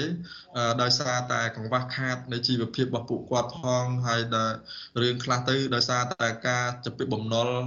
ចាប់ពីធនាគារធ្វើឲ្យគាត់មិនមានលុយដើម្បីបង់ដល់ធនាគារនោះធ្វើឲ្យគាត់នឹងសម្រេចចិត្តមកនឹងតែម្ដង តែផ្ទុយទៅវិញការមករបស់គាត់ដូចខ្ញុំលើកឡើងខាងដើមហើយថាទល់មកដល់ពេលនេះមានការចំណាយច្រើនណាស់បាទចំណាយអ្នកខ្លះចំណាយដល់ទៅ7 8000អ្នកខ្លះលោដល់9000ក្នុងម្នាក់ដើម្បីមកក្នុងប្រទេសថៃណាដើម្បីស្វែងរកការងារធ្វើតែអ្នកខ្លះមកមិនដល់កន្លែងនេះមានការចាប់បញ្ជូនទៅវិញជារឿយៗនឹងទៅបាទចាដូច្នេះអឺកំពុងតែមានបំណុលផងគ្មានការងារធ្វើនៅក្នុងស្រុកផង ហើយទៅទៅបងប្រាក់ពីរឿងឆ្លងដែនទៅនឹងទៀតដូច្នេះដូចជាពួកគាត់នឹងដូចជាធ្ងន់កដែរតាមមើលទៅនៅពេលដែលពួកគាត់ត្រូវចំណាយច្រើនបែបនេះហើយត្រូវចាប់បញ្ជូនត្រឡប់មកវិញនឹងអឺលោកសុផុនលើកឡើងថាមានការឆ្លងដែននឹងកើនឡើងនៅក្នុងខែតុលានឹងតើអាចមានតួលេខជាក់លាក់ទេថាអាចមានចំនួនប្រមាណដែលឆ្លងដែនទៅហើយត្រូវចាប់បញ្ជូនត្រឡប់មកវិញពលករខ្មែរដែលទៅឆ្លងដែនដោយខុសច្បាប់នឹងចា៎ តាមតាស្ថិតិមួយចំនួន បានបង្ហាញថានៅក្នុងអំឡុងពេលតាមមួយខែទៅជាង1000ណាស់ហើយសម្រាប់តែបងប្អូនចូលតាមច្រករបៀងតូចតូចជាពិសេសគឺនៅក្នុងខេត្តស្រះកែវហើយនិងខេត្តចន្ទបុរីអឺផ្ទុយទៅវិញនៅខាងផ្នែកសន្តិសុខជាតិថៃនេះក៏បានបង្ហាញទិន្នន័យដែរថា ចាប់តាំងពីថ្ងៃទី1មករាឆ្នាំ2020មកទល់មកដល់បច្ចុប្បន្ននេះមានការចាប់បញ្ជូនបងប្អូនពលករមានពលករបរទេសហើយពលករភូមិនិងពលករខ្មែរនឹងជាង30343នាក់ហើយនឹងមេខ្យល់នឹងជាង100នាក់ដែលចាប់ទល់មកដល់ពេលនេះបាទអញ្ចឹងហើយនេះជា ទិន្នន័យមួយផ្នែកដែលគេទទួលបានតែទិន្នន័យមួយផ្នែកផ្សេងផ្សេងទៀតដូចជានៅច្រកផ្សេងផ្សេងដែលមិនទទួលបានហ្នឹងក៏មិនទាំងយើងមិនទាន់ដឹងថាប្រមាណដែរតែថ្មីថ្មីនេះឃើញទាំងខាងឈៀងម៉ៃខាងត្រាតខាង កញ្ចនបុរីដែលជាកន្លែងឆ្លងដែនរបស់បងប្អូនពលករភូមិឃើញថាចាប់សឹងតែរាល់ថ្ងៃហើយដូចជាខាងខ្មែរយើងក៏អញ្ចឹងដែរនៅខាងចន្ទបុរីហើយនៅខាងខេត្តស្រះកែវដែលជាខេត្តជាប់ព្រំប្រទល់បន្ទាយមានជ័យឃើញថាបងប្អូនពលករនឹងចូលមកសឹងតែរាល់ថ្ងៃនឹងតែម្ដងតែឃើញថាតិចណាស់ដែលបានចូលមកដល់គោលដៅឃើញតែចាប់បញ្ជូនទៅមកទៅមកអញ្ចឹងបាទឃើញច្រើនច្រើនសឹងតែមែនតើបាទ ចាតើត្រូវធ្វើយ៉ាងម៉េចទៅព្រោះអីឥឡូវនេះប្រទេសក៏ប្រកាសថានឹងបើកដំណើរការឡើងវិញហើយខាងប្រទេសថៃហ្នឹងក៏ប្រកាសបើកទទួលអ្នកទេសចរអញ្ចឹងតើចំពោះលោកសុផុនវិញលោកមើលឃើញថាជំហានបន្ទាប់ដើម្បីដោះស្រាយបញ្ហាក្រមពលករដែលគាត់ទៅរកការងារធ្វើដើម្បីអាចដោះស្រាយជីវភាពហ្នឹងតើធ្វើយ៉ាងម៉េចដើម្បីពួកគាត់អាចជោគជ័យនៅក្នុងការឆ្លងដែនទៅរកការងារធ្វើហ្នឹងចា៎ ទៅទៅវិញបើសិនជានៅក្នុងកលៈទេសៈបែបនេះសូម្បីតែយើងហាមឃាត់ក៏ហាមមិនបានអញ្ចឹងហើយមានតែរដ្ឋាភិបាលទាំងពីរគួរណាតែយកចិត្តទុកដាក់ឬក៏មានវិធានការណាមួយដើម្បីបង្ហាញឲ្យពួកគាត់ចូលមករកការងារធ្វើដោយស្របច្បាប់និងស្វែងរកការងារធ្វើដែលបានជោគជ័យអញ្ចឹងណាបាទហើយ បើសិនជាយើងមិនគិតគូរដល់ពួកគាត់ទេយើងឃើញថាការដែលមកប្រចំណាស្រុកអឺទាំងខុសច្បាប់ហ្នឹងគឺទប់មិនឈ្នះទេ បាទទប់មិនឈ្នះទេដោយឡែកអ្នកដែលធ្លាប់នៅក្នុងប្រទេសថៃហើយគាត់ទៅខ្មែរវិញអញ្ចឹងគាត់នៅមិនកើតទេគាត់នឹងត្រឡប់មករកការងារនៅក្នុងប្រទេសថៃនឹងតែម្ដងប៉ះសិនបាទរដ្ឋាភិបាលថៃទាំងពីរគិតគូរពិចារណា ឡើងវិញថាតើគួរធ្វើវិធានការណាមួយ ដើម្បីឲ្យពួកគាត់កិច្ចផុតពីហានិភ័យផ្សេងផ្សេងនិងបញ្ហាប្រឈមផ្សេងផ្សេងដែលសម្រាប់ជីវភាពប្រចាំថ្ងៃពួកគាត់នោះខ្ញុំគិតថាវាមិនលំបាកទេបើសិនជារដ្ឋាភិបាលទាំងពីរគិតគូរដល់ពួកគាត់ចាអរគុណច្រើនលោកសុផុនចាដែលបានជ្រាបពេលផ្ដល់ការសម្ភាសនៅយប់នេះចាសូមជូនពរលោកសុខភាពល្អចាជម្រាបលាលោកត្រឹមប៉ុណ្ណេះសិនចាបាទសូមជម្រាបលា ចាលោកនាងកញ្ញាជាទីមេត្រីចាដូចដែលលោកនាងបានដឹងអញ្ចឹងគឺរដ្ឋាភិបាលបានប្រកាសបើកប្រទេសឡើងវិញហើយចាប់ពីថ្ងៃទី1ខែវិច្ឆិកានេះតទៅចាអ្នកឃ្លាំមើលផ្នែកអភិវឌ្ឍសង្គមលើកឡើងថាការបើកប្រទេសឡើងវិញគឺជារឿងសំខាន់ណាស់ដើម្បីស្ដារសេដ្ឋកិច្ចជាតិឡើងវិញក៏ប៉ុន្តែនៅក្នុងស្ថានភាពបច្ចុប្បន្ននេះរដ្ឋាភិបាលហាក់មិនទាន់បានត្រៀមខ្លួនគ្រប់គ្រាន់នៅក្នុងការបើកប្រទេសឡើងវិញនៅឡើយទេចតារដ្ឋាភិបាលលោកហ៊ុនសែន ត្រូវត្រៀមខ្លួនដោយម្ដេចខ្លះមុននឹងប្រកាសបើកប្រទេសឲ្យដំណើរការជាប្រក្រតីឡើងវិញចាសសូមលោកនាងរងចាំទស្សនាបទសម្ភាសអំពីបញ្ហានេះនៅក្នុងការផ្សាយរបស់យើងនៅពេលបន្តិចទៀតនេះ។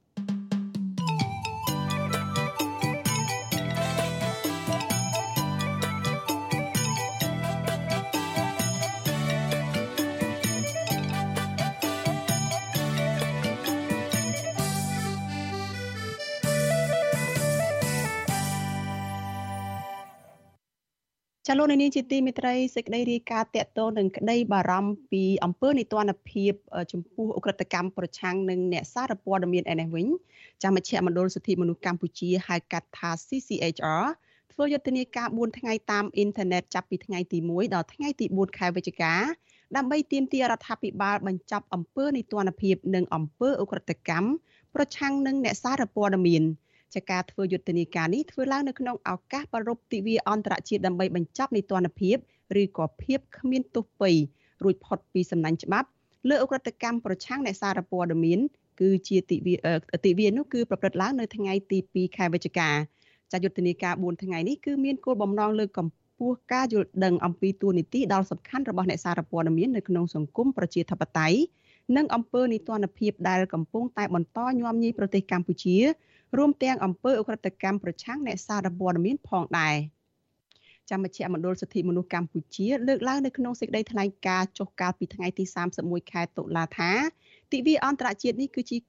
គឺជាឱកាសដែលជំរុញឲ្យមានការពិភាក្សាអំពីអ ுக ្រិតកម្មប្រឆាំងអ្នកសារព័ត៌មាននិងអ្នកធ្វើការនៅក្នុងវិស័យប្រព័ន្ធផ្សព្វផ្សាយដែលមិនទាន់ទទួលបានយុត្តិធម៌កន្លងមក និងដើម្បីសម្ដែងនៅការគោរពដល់អ្នកសារព័ត៌មានដែលតែងតែប្រថុយប្រឋានឬក៏បាត់បង់ជីវិតនៅក្នុងបុព្វហេតុរាយការណ៍ព័ត៌មានរបស់ខ្លួនមជ្ឈមណ្ឌលសិទ្ធិមនុស្សកម្ពុជាបន្តថាទិវានេះក៏ដើម្បីរំលឹកទៅរដ្ឋាភិបាលជុំវិញពិភពលោករួមទាំងរដ្ឋាភិបាលកម្ពុជាផងថាត្រូវបំពេញកាតព្វកិច្ចរបស់ខ្លួននៅក្នុងការលើកកម្ពស់និងគោរពសេរីភាពសារព័ត៌មានព្រមទាំងបញ្ចប់នៅអំពើនីតិរដ្ឋភាពលើក្រតកម្មប្រឆាំងអ្នកសារព័ត៌មាននោះផងដែរ។ មជ្ឈមណ្ឌលសិទ្ធិមនុស្សកម្ពុជាបញ្ជាក់ថាចាប់ពីឆ្នាំ1994មកយ៉ាងហោចណាស់ក៏មានអ្នកសារព័ត៌មានចំនួន13នាក់ត្រូវគេសម្លាប់ដោយសារតែការបំពេញការងាររបស់ខ្លួនក្នុងនោះមានអ្នកសារព័ត៌មាន12នាក់ត្រូវសម្លាប់នៅក្នុងពេលដែលពួកគេរាយការណ៍រិះគន់បកកាន់អំណាចចាននឹងរាយការណ៍អំពីរឿងរ៉ាវអាស្រូវតាក់ទងនឹងអំពើពុករលួយរបស់មន្ត្រីជាន់ខ្ពស់នៅក្នុងជួររដ្ឋាភិបាលនិងក្នុងស្ថាប័នយោធា មកដល់ពេលបច្ចុប្បន្ននេះជនរងគ្រោះនៅមិនទាន់ទទួលបានយុត្តិធម៌នោះទេ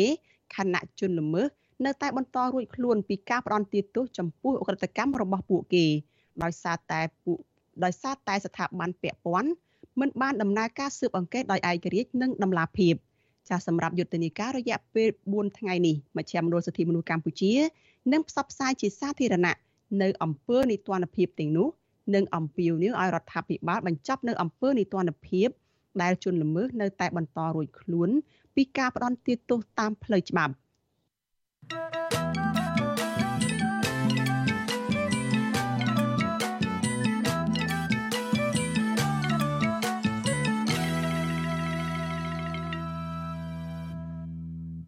ចាលោកនាងកញ្ញាប្រិមិត្តជាទីមេត្រីចាលោកនាងកំពុងតាមដានការផ្សាយរបស់វិទ្យុអាស៊ីសេរីចាផ្សាយចេញពីរដ្ឋធានី Washington សហរដ្ឋអាមេរិក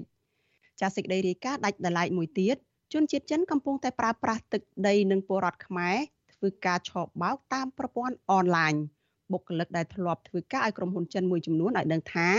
ការងារអនឡាញខុសច្បាប់នោះគឺជាការប្រើប្រាស់បណ្ដាញទំនាក់ទំនងសង្គមដើម្បីឆបោកលុយជាទ្រង់ទ្រាយធំពីជនបរទេសឬក៏មនុស្សគ្រប់ប្រភេទ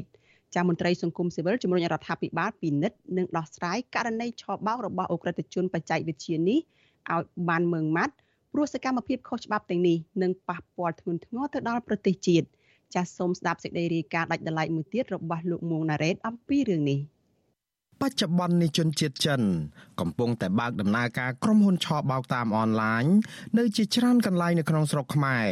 និងកំពុងតែតាក់ទាញប្រជាពលរដ្ឋខ្មែរជាច្រើនអ្នកទៅធ្វើការឲ្យពួកគេតាមរយៈការផ្ដល់ប្រាក់ខែខ្ពស់ បើទោះបីជាយ៉ាងនេះក្តីមានមនុស្សតិចណាស់ដែលបានដឹងអំពីសកម្មភាពខុសច្បាប់និងរឿងរ៉ាវអាត់កំបាំងនៅពីក្រោយអាជីវកម្មអនឡាញរបស់ក្រុមហ៊ុនចិននេះ។ បរិះម្នាក់ដែលធ្លាប់ធ្វើការឲ្យក្រុមហ៊ុនអនឡាញរបស់ជនជាតិចិនដែលសុំមិនបញ្ចេញឈ្មោះប្រាប់វិទ្យុអស៊ីសេរីថាដោយសារតែលោកបាត់បង់ការងារនៅក្នុងអំឡុងពេលនៃវិបត្តិដោយសារតែជំងឺ Covid-19 លោកបានព្យាយាមស្វែងរកការងារថ្មីជាបណ្ដោះអាសន្នដើម្បីដោះស្រាយជីវភាពនិងបំណុលបន្ទាប់មកលោកបានដាក់ពាក្យចូលធ្វើការនៅក្រុមហ៊ុនអនឡាញរបស់ចិនមួយកន្លែងដែលមានឈ្មោះថា Global International ស្ថិតនៅជិតបរិយាសន្តិភាព2ក្នុងសង្កាត់ចោមចៅកាលពីខែសីហាក្រោយឃើញក្រុមហ៊ុនប្រកាសលើ Facebook ជ្រើសរើសបុគ្គលិកជាច្រើនអ្នកផ្នែកផ្ដល់សេវាជូនអតិថិជនក្រុមហ៊ុនសន្យាផ្ដល់ប្រាក់ខែចាប់ពី800ដុល្លារដល់1000ដុល្លារអាមេរិកនៅក្នុងមួយខែក៏ប៉ុន្តែពុំមានសេរីភាពនោះទេហើយបុគ្គលិកត្រូវចេះភាសាអង់គ្លេសនិងកុំព្យូទ័រ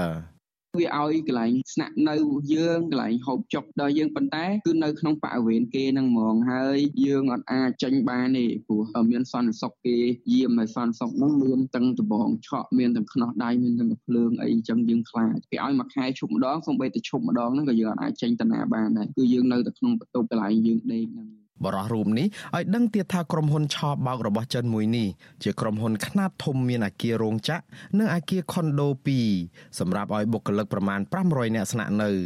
ក្រៅពីនេះក្រុមហ៊ុនចិននេះក៏មានសាខាជាច្រើនកន្លែងទៀតដូចជានៅព្រំដែនជ្រៃធំនៅក្នុងខេត្តកណ្ដាលនិងខេត្តប្រស័យអនុ លោកបានធ្វើការងារឲ្យក្រុមហ៊ុនអនឡាញនេះជិត1ខែក៏លាឈប់ទាំងមិនបានប្រាក់កម្រៃហើយបដូរទៅធ្វើការនៅក្នុងក្រុមហ៊ុនអនឡាញចិនមួយទៀតនៅឯខេត្តប្រស័យអនុនៅក្នុងខែកញ្ញានៅក្នុងអាគារខុនដូមួយកន្លែងជិតវត្តអន្តញៀនហៅវត្តក្រោម លោកបញ្ជាក់ថាក្រុមហ៊ុនចិនទាំងពីរប្រើប្រាស់វិធីឆបោកតាមប្រព័ន្ធអនឡាញដូចគ្នាលោករៀបរាប់ថាពេលចូលធ្វើការភ្លាមមេការចិនបានចែកទូរស័ព្ទឲ្យបុគ្គលិកម្នាក់5ទៅ10គ្រឿងនិងកុំព្យូទ័រមួយគ្រឿងមេការចិនក៏ណែនាំឲ្យបង្កើតបណ្ដាញទំនាក់ទំនងសង្គមคล้ายៗជាច្រើនដូចជា Facebook Telegram WhatsApp និង Twitter ជាដើមដោយដាក់រូបជាបរិះនិងនារីស្អាតស្អាត លោកបន្តថាបន្ទាប់មកបុគ្គលិកទាំងអស់ត្រូវភ្ជាប់បណ្ដាញទំនាក់ទំនងទាំងនោះទៅកាន់មនុស្សដែលពួកគេមានគម្រោងឆបោកក៏ប៉ុន្តែក្រុមហ៊ុនចិនដែលលោកធ្វើការនៅខេត្តប្រស័យអនុនោះមានគោលដៅឆបោកតែជនជាតិអាមេរិកតែប៉ុណ្ណោះ ព្រោះជាទូទៅគឺអាប្រភពដែលត្រូវរកភ្ញៀវសំខាន់ហ្នឹងគឺ Facebook ក្រៅពី Facebook យើងមានអា media ផ្សេងផ្សេងឬ application ផ្សេងផ្សេងដែលសម្រាប់តាក់ទងពួកបរទេសទៅភាគច្រើនការដែលខ្ញុំធ្វើហ្នឹងគឺខ្ញុំតាក់ទងទៅខាងពួកអាមេរិកហើយពេលដែលយើងបង្កើត Facebook ហើយយើងត្រូវចំ Facebook ហ្នឹងឲ្យវាដើរទៀតឲ្យក្រុមហ៊ុន Facebook មើលមកថាជា account ដែលមនុស្សលេងជា account ដែលក្របច្បាប់ជិះវៀងការ ban account ពីក្រុមហ៊ុន Facebook ចឹងណា អតីតបុគ្គលិកក្រុមហ៊ុនចិនរូបនេះរៀបរាប់បន្តទៀតថាវិធីឆបោកតាមប្រព័ន្ធអនឡាញទាំងនោះមានជាច្រើនប្រភេទដូចជាការលួងលោមនិងបញ្ចុះបញ្ចូលឲ្យជនរងគ្រោះដាក់ប្រាក់វិនិយោគដើម្បីទទួលបានអត្រាការប្រាក់ទ្វេដងនិងការប្រើប្រាស់មនោសញ្ចេតនាស្នេហាคล้ายៗជាមួយនឹងជនរងគ្រោះជាដើមនៅពេលដែលជនរងគ្រោះជឿទុកចិត្តនិងធ្លាក់នៅក្នុងមនោសញ្ចេតនាស្នេហាហើយនោះ អ្នកឆោបោកតែងតែត្អូញត្អែអំពីវិបត្តិហិរញ្ញវត្ថុនិងស្នើសុំជំនួយហិរញ្ញវត្ថុហើយករណីខ្លះជនជាតិចិនអាចងាកទៅប្រើវិធីគំរាមកំហែងឬជំរិតទារប្រាក់បន្ថែមទៀតតាមដែលពួកគេចង់បាន គឺចិនគាត់មានរៀបចំតួអង្គជាតួស្រីឬតួប្រុសម្នាក់ហ្នឹងសម្រាប់តួមួយមួយគឺគាត់មានរូបមានវីដេអូគ្រប់គ្រាន់ដែលអ្នកអត់ដឹងគិតថា account ប្រកបអញ្ចឹងជាទូទៅគឺយើងអត់តំណតំណងទៅភ្ញៀវមុនទេត្រូវធ្វើរឹកខ្លួនឯងនឹងឲ្យសមជាម្នាក់នៅក្នុងរូបហ្នឹងតបមកទៀតយើងនិយាយពេលដែលតំណតំណងជាមួយភ្ញៀវគឺយើងព្យាយាមយកលេខតំណតំណងព័ត៌មានលម្អិតរបស់គាត់ឲ្យអស់ហ្នឹងហើយយើងអត់បញ្ញាពេកទេយើងធ្វើមិនឲ្យអាតំណតំណងរបស់យើងជាមួយនឹងភ្ញៀវហ្នឹងកាន់តែស្អិតរមួតដើម្បីឲ្យគេជឿជាក់លើយើងហើយគេញ៉ាលុយមកយើងក្រោយធ្វើការឲ្យក្រុមហ៊ុនចិននៅខេត្តប្រសិទ្ធអនុបានមួយខែលោកក៏សម្រេចឈប់ពីការងារវិញព្រោះយល់ថាជាការចាញ់បោកជនជាតិចិន និងបារម្ភខ្លាចប្រឈមមុខផ្លូវច្បាប់ ពលរដ្ឋយើងបើសិនជាវាយកទៅវាគិតតែអត់ប្រយោជន៍គឺវាប្រឈប់អញ្ចឹងបានន័យថាវាបោកយើងប្រើអស់មួយខែបាទហើយហ្នឹងហើយមួយទៀតគោលដៅទីតាំងចេញមកពីខ្មែរយើងអញ្ចឹងវាធ្វើឲ្យវាស្អប់ជាតិសាសន៍របស់យើងហើយការបោកនេះខ្ញុំនិយាយថាវាពុំធេងវាវាច្រើនយើងគិតថាមួយថ្ងៃបើបុគ្គលិកមួយបោកមនុស្សត្រឹមតែ10ទៅ20នាក់អញ្ចឹងគឺមួយឆ្នាំវាច្រើនណាស់អញ្ចឹងក្នុងមួយខែមួយខែគាត់លេខតំណតំណងទៅឲ្យក្រុមហ៊ុនចិត្តហ្នឹងគឺវាច្រើនមែនតើហើយខ្មែរយើងអាចខ្លាចជាអ្នករងគ្រោះឬអាចជាប់គុកព្រោះឧទាហរណ៍ថាបើសិនណាជាមានអាជ្ញាធរឬក៏ប៉ូលីសអីគាត់ដឹងហើយគាត់ចុះទៅចាប់ហ្នឹងខ្ញុំថាចិនហ្នឹងគឺវាយករួចខ្លួនអស់ហើយបរោះម្នាក់ទៀតដែលធ្វើការឲ្យក្រុមហ៊ុនចិនអនឡាញនិងសុំមិនបញ្ចេញឈ្មោះដែរនោះលើកឡើងដូចគ្នាថាមូលហេតុដែលលោកចូលធ្វើការនៅក្រុមហ៊ុនចិន Global International នោះព្រោះដំបូងគិតថាក្រុមហ៊ុននេះ បើកអាជីវកម្មស្របច្បាប់ដោយសារតែក្រុមហ៊ុននេះប្រកាសជ្រើសរើសបុគ្គលិកផ្នែកផ្ដល់សេវាអតិថិជនលោកបានធ្វើការនៅទីនោះមួយខែ កាលពីខែកញ្ញាហើយក៏លាឈប់វិញ ទាំងមិនបានប្រាក់ឈ្នួលដោយសារតែមិនចង់បន្តធ្វើការខុសច្បាប់តទៅទៀត លោកបន្តថាកន្លែងដែលលោកធ្វើការនោះគឺជនជាតិចិនបានបែងចែកជាក្រុមនិងកំណត់គោលដៅឆបោកផ្សេងផ្សេងគ្នាដោយក្រុមខ្លះឆបោកប្រទេសនៅក្នុងតំបន់អាស៊ីនិងក្រុមខ្លះឆបោកនៅអាមេរិកនិងក្រុមខ្លះទៀតឆបោកមនុស្សគ្រប់ប្រភេទនៅនៅគ្រប់ទីកន្លែងលោកបន្តទៀតថាដើម្បីសម្រេចគម្រោងឆបោកដំបូងក្រុមអ្នកឆបោកត្រូវបង្កើតបណ្ដាញទំនាក់ទំនងសង្គមคล้ายៗទាំងអស់រួចហើយតាក់ទងទៅកាន់ជនរងគ្រោះ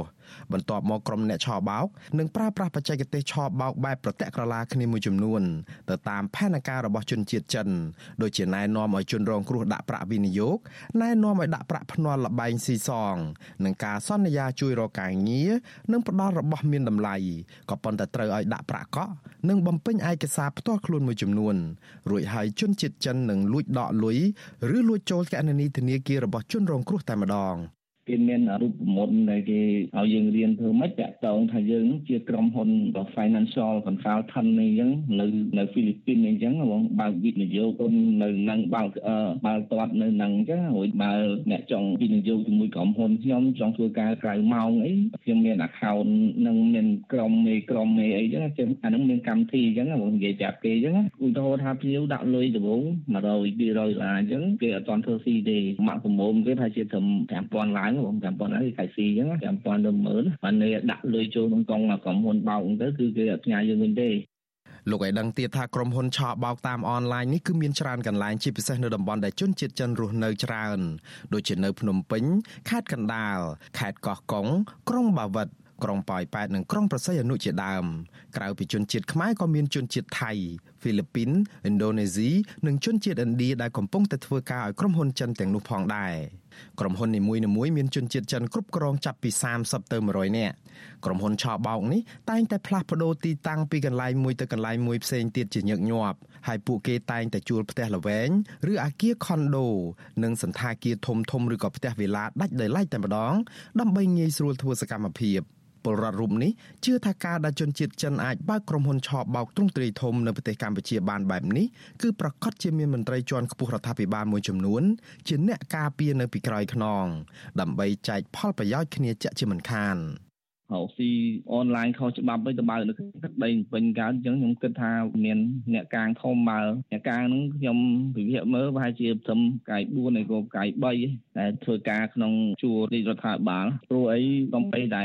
ឡានបើនៅក្នុងនោះក៏មានដាក់ផ្លាកខេមរៈភូមិន្ទដែរបងគេអត់បារម្ភបើគេមានខ្នងបង្អែកពីក្រោយអញ្ចឹងហើយបងព្រោះខ្ញុំគិតថាខ្នងបង្អែកគេហ្នឹងគេស៊ីលុយធំរួចហើយ លោកអះអាងទៀតថាប្រជាពលរដ្ឋខ្មែរដែលធ្វើការឲ្យក្រុមហ៊ុនចិនទាំងនោះក៏អាចជាជនរងគ្រោះដែរព្រោះត្រូវជនជាតិចិនបង្ខាំងឲ្យធ្វើការនៅទីនោះរយៈពេល1ខែទៅ2ខែ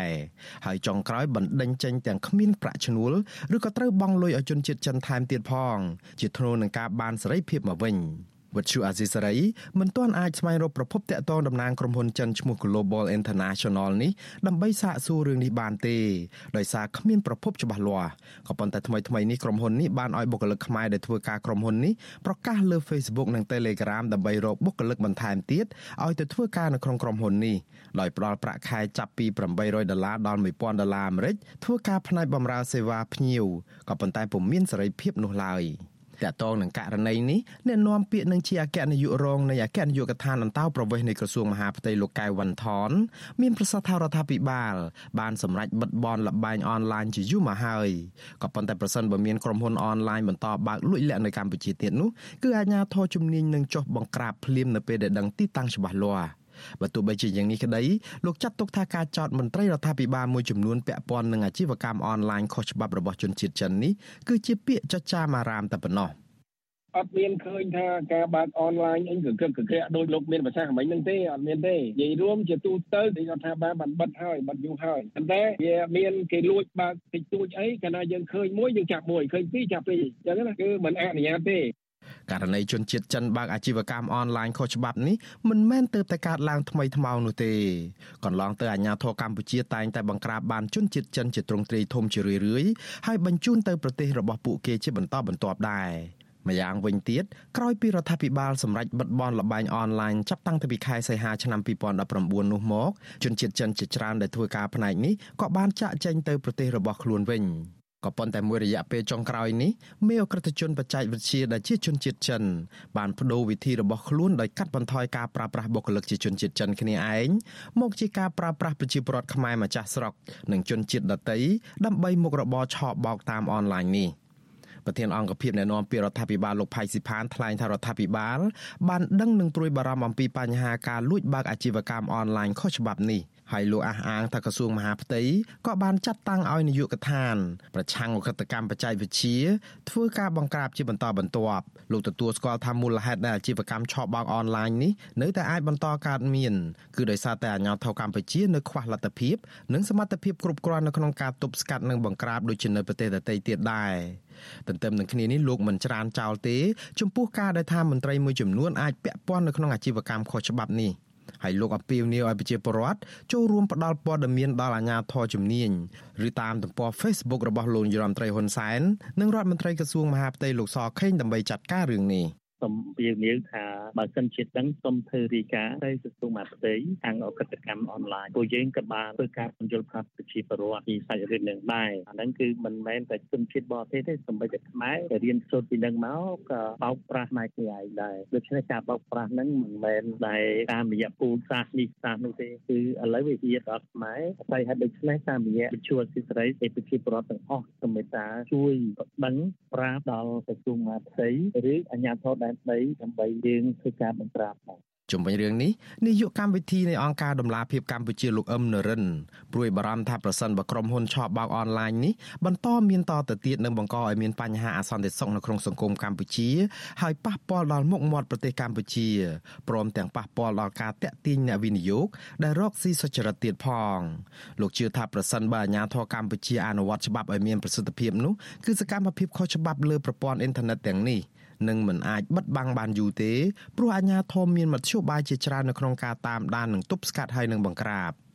ធម្មតាប្រទេសដែលក្រីក្រច្រើនតែមានការអនុវត្តច្បាប់ខ្សោយមានអំពើពុករលួយអញ្ចឹងហើយវាផ្ដល់ឱកាសដល់ក្រុមឆ្លៀតឱកាសហ្នឹងដើម្បីគាត់អាចចូលមកក្នុងប្រទេសហ្នឹងហើយប្រព្រឹត្តបទល្មើសបានអញ្ចឹងបើយើងដឹងហើយបើសិនជាមានការអនុវត្តច្បាប់ទន់ខ្សោយមានអំពើពុករលួយក្រុមប្រព្រឹត្តហ្នឹងគាត់អាចប្រើប្រាស់លុយដើម្បីបាត់បង់នៅទង្វើរបស់ខ្លួនអញ្ចឹងការប្រព្រឹត្តបទល្មើសផ្សេងៗហ្នឹងគឺវាកើតនៅប្រទេសនៅក្រីក្រហ្នឹងឬក៏ប្រទេសកំពុងអភិវឌ្ឍនឹងច្រើន នាយកដ្ឋានព័ត៌មានវិទ្យានៃក្រសួងមហាផ្ទៃបានប្រកាសជារឿយៗឲ្យប្រជាពលរដ្ឋប្រុងប្រយ័ត្នចំពោះសកម្មភាពឆបោករបស់ក្រឹតជនបច្ចេកវិទ្យាព្រោះសកម្មភាពឆបោកទាំងនេះនៅបន្តកើតមានជាច្រើននៅក្នុងប្រទេសកម្ពុជាសកម្មភាពឆបោកដែលនាយកដ្ឋានព័ត៌មានវិទ្យាបង្ហាញនោះគឺមួយចំនួនដូចគ្នាទៅនឹងការរៀបរាប់របស់ប្រជាពលរដ្ឋដែលធ្លាប់ធ្វើការឲ្យក្រុមហ៊ុនចិននេះ យុគឋានព័ត៌មានវិទ្យាអះអាងថាមានល្បិចកលឆោបបោកជាច្រើនប្រភេទទៀតក៏ប៉ុន្តែជាទូទៅជនខិលខូចតែងតែអូសទាញជនរងគ្រោះដោយប្រើប្រាស់វិធីសាស្ត្រផ្ដាល់ជូននៅអត្ថប្រយោជន៍ហិរញ្ញវត្ថុសម្ភារៈកិត្តិយសឬក៏អំណោយ ដែលមានតម្លៃនិងងាយស្រួលនៅក្នុងការទទួលបាន ជាមួយនឹងលក្ខខណ្ឌងាយងាយ នាយកដ្ឋានព័ត៌មានវិទ្យាបញ្ជាក់ថាដើម្បីការពារខ្លួនពីការឆបោកនេះប្រជាពលរដ្ឋត្រូវពិចារណានិងរកការប្រឹក្សាយោបល់មុនពេលផ្ដល់ប្រាក់ឬក៏វត្ថុដ៏មានតម្លៃនៅក្នុងទម្រង់វិនិយោគផ្សេងផ្សេងដែលពុំបានដឹងនិងកុំបណ្ដោយខ្លួនឲ្យធ្លាក់នៅក្នុងល្បិចសម្លុតឬក៏គំរាមកំហែងពីជនខិលខូចហើយត្រូវរាយការណ៍ជូនសមត្ថកិច្ចជំនាញឬអាជ្ញាធរមូលដ្ឋានជាបន្ទាន់បើមានរឿងនេះកើតឡើង។ បើទោះបីជាយ៉ាងនេះក្តីមន្ត្រីអង្គការសង្គមស៊ីវិលនិងប្រជាពលរដ្ឋលើកឡើងថាដើម្បីឲ្យប្រជាពលរដ្ឋសហការផ្ដល់ព័ត៌មាននោះដំបូងអាជ្ញាធរត្រូវបង្ហាញការអនុវត្តច្បាប់ឲ្យពិតប្រាកដនិងមានប្រសិទ្ធភាពព្រមទាំងជួយការពារនិងលាក់អត្តសញ្ញាណរបស់ប្រជាពលរដ្ឋក្រៅពីនេះពួកគាត់ជំរុញឲ្យអាជ្ញាធរផ្សព្វផ្សាយល្បិចឆបោកនេះឲ្យបានទូលំទូលាយដើម្បីឲ្យប្រជាពលរដ្ឋបានដឹងនិងប្រុងប្រយ័ត្នខ្ញុំបាទមុងណារ៉េត With you Azisaray ប្រធានាទី Washington ចាលោកនាងកញ្ញាប្រិមិត្តជាទីមេត្រីចាចំពោះលោកនាងដែលកំពុងតាមដានការផ្សាយរបស់វិទ្យុអាស៊ីសេរីចាតាមវិទ្យុរលកធាតុអាកាសខ្លីចានេះខ្ញុំសូមជម្រាបលាលោកអ្នកត្រឹមតែប៉ុណ្ណេះសិន